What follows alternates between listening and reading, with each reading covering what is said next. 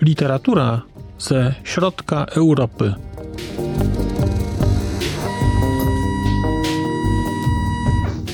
Podcast około książkowy.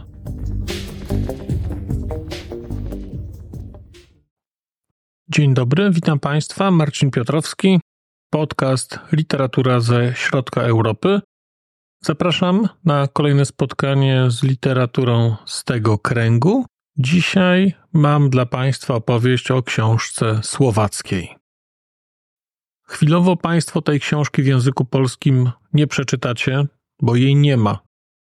Ja miałem możliwość przeczytać tę książkę w języku słowackim i ponieważ ten autor jest mi bliski, postanowiłem mimo to, że nie można tej książki przeczytać po polsku, to trochę Państwu o niej opowiedzieć po to, żebyście cisnęli po wydawcach, żeby takie zacne pozycje wydawali. Albo żebyście też Państwo wiedzieli w przyszłości, kiedy ta książka się już pojawi, że to jest właśnie to. A chciałem dzisiaj opowiedzieć Państwu o książce Juraja Kowaczyka zatytułowanej Bot zlomu, czyli można byłoby to przełożyć jako punkt przełomu, moment zwrotny, moment przełomowy. Książka została wydana w roku 2023. Jest to w tej chwili, mamy listopad, kiedy to nagrywam, 2023 roku. Jest to najnowsza książka Juraja Kowaczyka i jest to zbiór opowiadań. Wszystkie opowiadania z tego zbioru mają jeden punkt wspólny.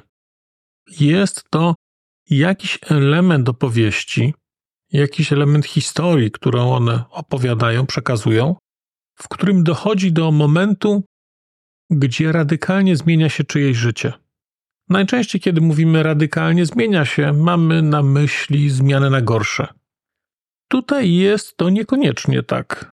Niektóre zmiany w ogóle trudno je opisać w kategoriach dobra czy zła, na lepsze, na gorsze. Są to po prostu zmiany. No i oczywiście może wydawać się, że jest to taki zabieg formalny, że jest to sztuczne, że właściwie z wyjątkiem może jakichś nielicznych sytuacji filmowych, scenariuszowych, no że zazwyczaj nie żyjemy w świecie, kiedy pojedyncze zdarzenie jakieś, które nas dotyczy, radykalnie wpływa na nasze życie. Ale kiedy czytałem tę książkę, kiedy czytałem te opowiadania, to w naturalny sposób zadaje sobie człowiek pytanie, jakie momenty w jego życiu były momentami decydującymi. I myślę, że kiedy się nad tym chwilę zastanowić i kiedy zacząć robić sobie rodzaj, no nie chcę powiedzieć, że rachunku sumienia, ale trochę spojrzenia wstecz na to, co już za nami. To będzie taki moment, w którym będziemy sobie dekonstruować wstecz różne ciągi zdarzeń, które nas w życiu spotkały, i będzie taki moment, że znajdziemy się w sytuacji, że powiemy sobie: O, to był ten moment. Gdyby ta sytuacja potoczyła się inaczej, gdyby tu wydarzyło się coś innego, gdybym coś zrobił albo gdybym czegoś nie zrobił, to teraz byłoby zupełnie inaczej. No i tego typu opowieści w tej książce Państwo znajdziecie. Tych opowiadań jest około 20, jak dobrze pamiętam. One są typowej długości opowiadaniowej. Mają kilkanaście stron. I są to opowiadania z różnych kultur, z różnych czasów. Niektóre są nam współczesne, niektóre pewnie sytuowalibyśmy na okres nieco wcześniejszy, na przykład początku XX wieku, czy tam jakoś tak. Są także opowiadania z przyszłości, ale z przyszłości takiej bliskiej. Nie wiem, czy istnieje kategoria fantastyki naukowej, która mówi nie o świecie za 200 czy 1000 lat, tylko która mówi o codzienności, ale w świecie, który jest nieco bardziej stechnologizowany. Są jakieś elementy tej nowej rzeczywistości wokół nas, ale tak naprawdę, no, formalnie jest to fantastyka, nie ma czego, czegoś takiego obecnie.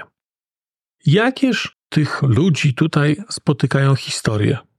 Mamy tu na przykład historię poszukiwacza złota, który w czasie jednej ze swoich wypraw w górach znajduje tajemniczą skrzynkę. Otwiera tę skrzynkę. No dobra, zdradziłem Państwu. Otwiera tę skrzynkę i nie dowiemy się, co jest w środku. te opowiadania bardzo mocno nawiązują do filmów i mają tytuły wprost zaczerpnięte z filmów. Jest Matrix, jest Przed wschodem słońca. No jest dużo. Tutaj różnych tytułów. Są opowieści podręczne, które nie nazywają się tutaj bezpośrednio tak, ale mowa jest tutaj o tej książce czy o tym serialu. No i akurat to opowiadanie, które nazywa się Serce ze złota, o ile pamiętam, kończy się sceną, którą znacie Państwo dokładnie z filmu Pulp Fiction. Kiedy Jules i Vince otwierają walizkę, jeden drugiego pyta, czy mamy to, a ten patrzy, widzi coś, co widzi tylko on i mówi: Mamy.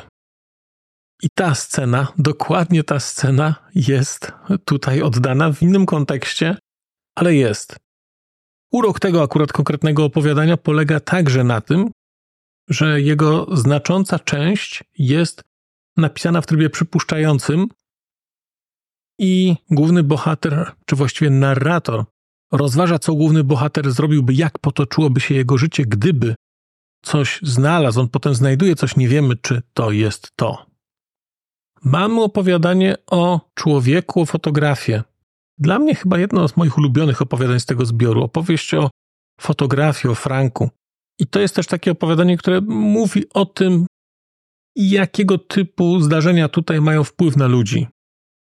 Mamy więc fotografa, który fotografuje przyrodę, który wydaje takie albumy i kończy robić zdjęcia do albumu o morzu. Fotografuje więc sobie to morze na jakichś tam długich migawkach.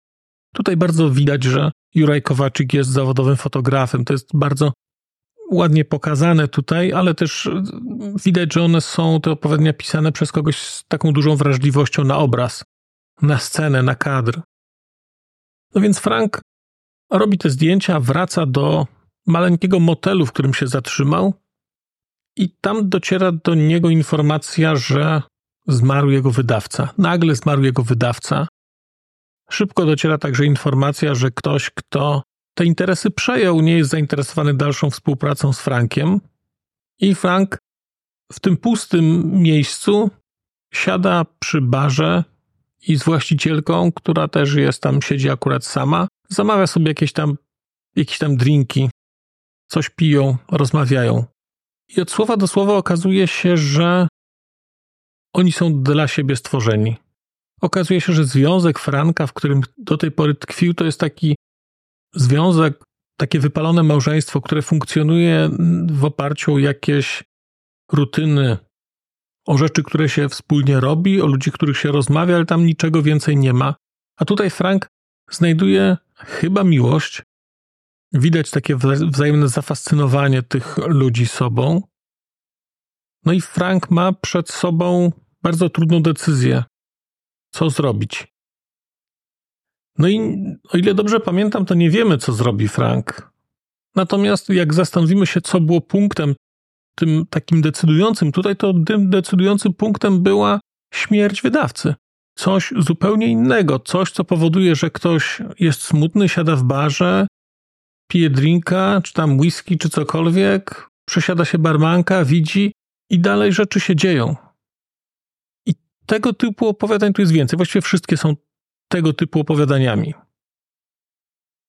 Bardzo odpowiada mi sposób pisania Juraja Kowaczyka, ale także odpowiada mi w tej książce coś, o czym jeszcze nie mówiłem.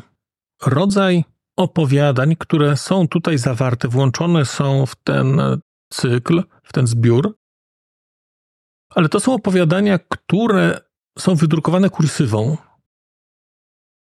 I są one opowiadaniami, które sugerują, że są bezpośrednim zapisem jakiejś koncepcji, jakichś wątpliwości, jakichś przemyśleń autora. I one nadają temu zbiorkowi dodatkowy walor, dodatkowe dno, dodatkową wartość, rozumienie. Bo poza opowiadaniami, które mamy, mamy też pewnego rodzaju ramę interpretacyjną. Bo w opowiadaniu pierwszym, w opowiadaniu, które ten cykl otwiera, opowiadaniu zatytułowanym Świat według Twittera, Juraj Kowaczyk pisze tak. 8 marca 2022 roku. Rano się obudziłem, a przed oczami miałem mapę Ukrainy. Czerwone kropki jak rozlany atrament na papierze. Rozlewa się i wsiąka i nie ma już jak go wyczyścić. Nie wiem, co dalej z pisaniem. Jakbym się dostał do innego świata. Jakbym sam się stał kimś innym, kimś obcym. Jak mam połączyć te dwie rzeczywistości? Świat przed i świat po. Jak mam ze złączenia tych światów wytworzyć książkę? To jest początek tej książki. I przyznam, że ten początek mocno wpływa na to, co dzieje się później. Bo w naturalny sposób będziecie Państwo, jako czytelnicy tej książki, te opowiadania wstawiać w jakiś kontekst ukraiński i kontekst tego, co się obecnie na świecie wydarza.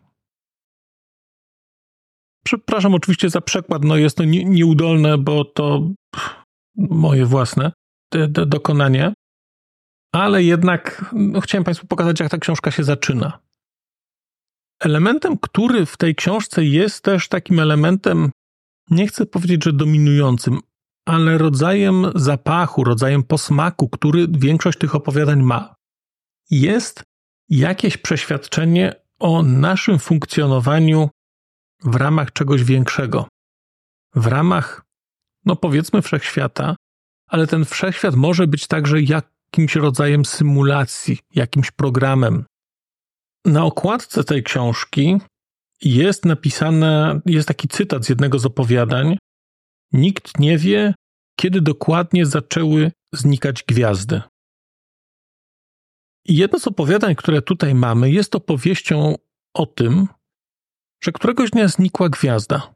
Po prostu była na niebie i przestała być.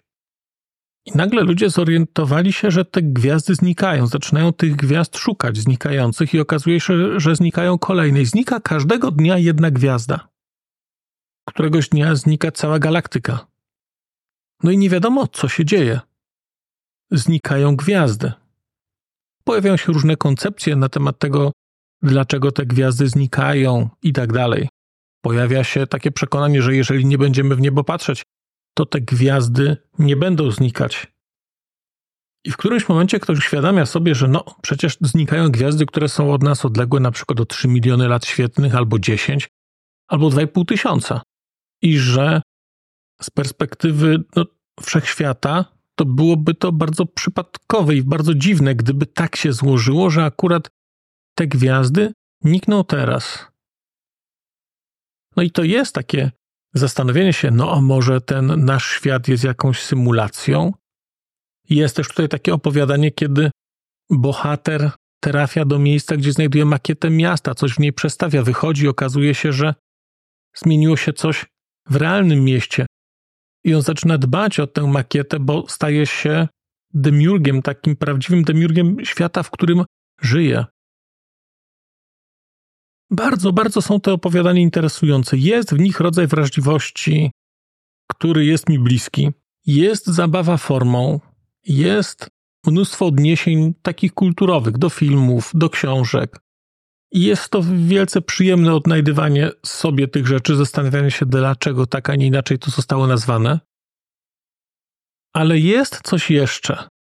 Jest tutaj taka opowieść też o, czy uwaga właściwie, o tym, czym są opowiadania. I na początku Juraj Kowaczyk porównuje, no może nie porównuje opowiadania, ale pojawia się taki wątek zabytkowego talerza, który zostaje sklejony. Znacie Państwo zapewne takie, nie wiem, czy jakieś, jakąś ceramikę starożytną, która zostaje sklejona i funkcjonuje normalnie. Widzimy ją jako normalny garnek, amforę, talerz.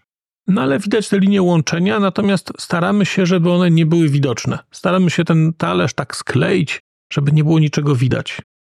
Juraj Kowaczyk opisuje gdzieś tutaj zupełnie inną technikę, technikę japońską, która w przypadku takich restaurowanych rzeczy, łączonych powrót na powrót, te miejsca łączenia wypełnia złotem.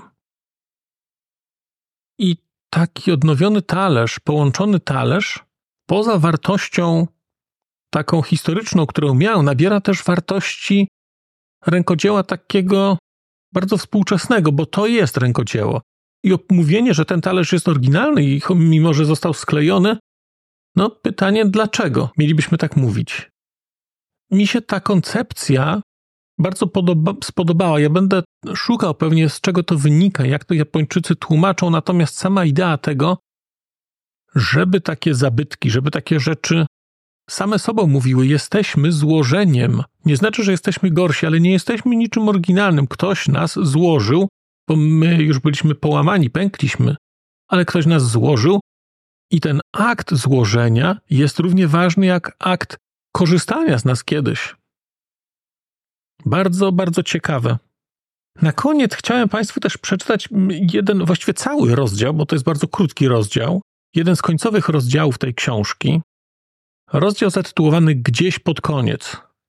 Jest to jeden z rozdziałów, które mają tę formę właśnie tego komentarza od autorskiego, powiedziałbym. No, nie wiadomo czy od, od autorskiego, od narratorskiego na pewno. I Juraj Kowaczyk pisze tak: Przepraszam za jakość przekładu, ale no, proszę wybaczyć. Ja tu dotykam sedna literatury i przekraczam granicę wstydu. Oczy. Na końcu każdego, prawie każdego opowiadania będą oczy. Oczy są granicą między mną a otaczającym mnie światem.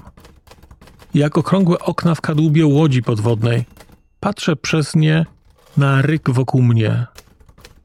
Ciekawski badacz z uprzedzeniami, ale trochę bezosobowo. O ile nie zagraża to bezpieczeństwu kadłuba mojej łodzi podwodnej, o ile nie narusza to jej integralności, o ile naprawdę interesuje mnie to tylko jako obserwatora. To oczywiście głupie. Opowiadania to opowiadania. Nie muszą być ze sobą powiązane, wręcz przeciwnie. Przy bezsensownej próbie ich połączenia przestałyby być opowiadaniami i stałyby się fragmentami. Fragmenty życia, utrwalenia i przebłyski, sceny i historie. Staram się je powiązać i nadać im znaczenie. Początek i koniec, kierunek, znaczenie. Obawiam się, że byłoby to po prostu gra, w której jedynym reżyserem jest chaos.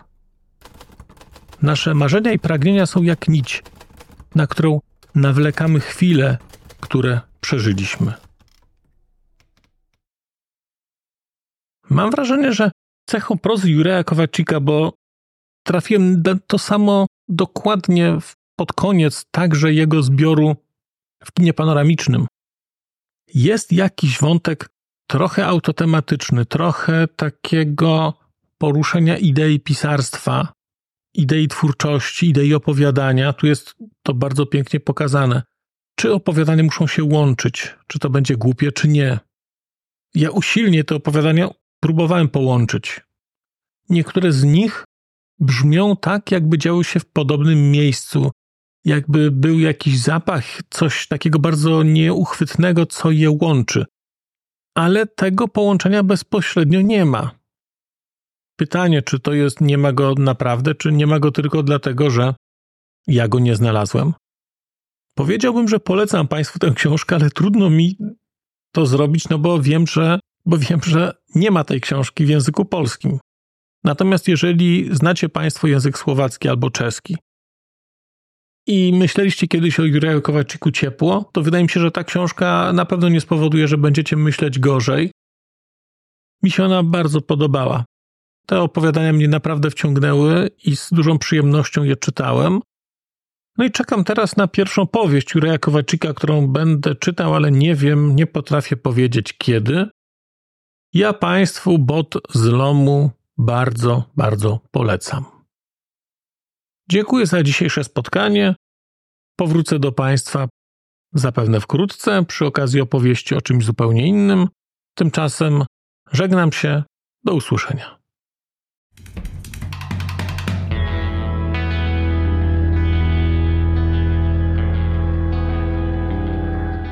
Bardzo dziękuję Państwu za wysłuchanie tego odcinka, bo skoro jesteście w tym momencie, to znaczy, że wysłuchaliście go do samego końca.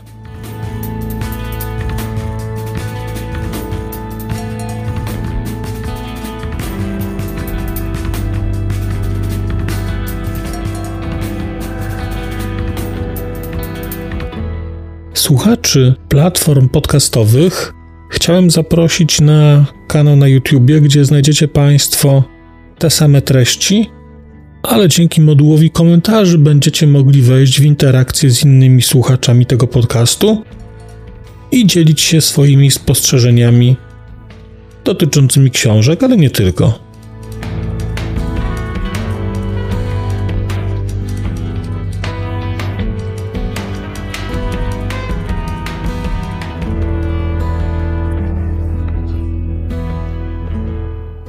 Oprawa muzyczna tego odcinka została zrealizowana na bazie muzyki słowackiego zespołu Longital.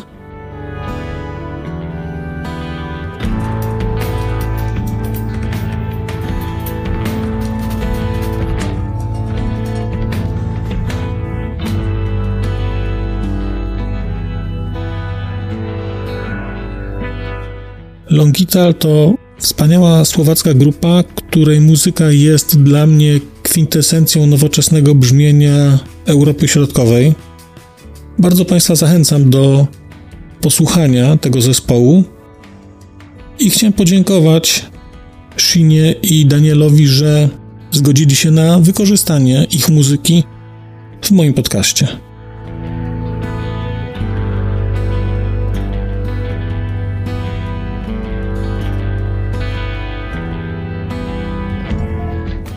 Sino a Daniel, ďakujeme vám veľmi pekne, že ste nám umožnili použiť vašu hudbu.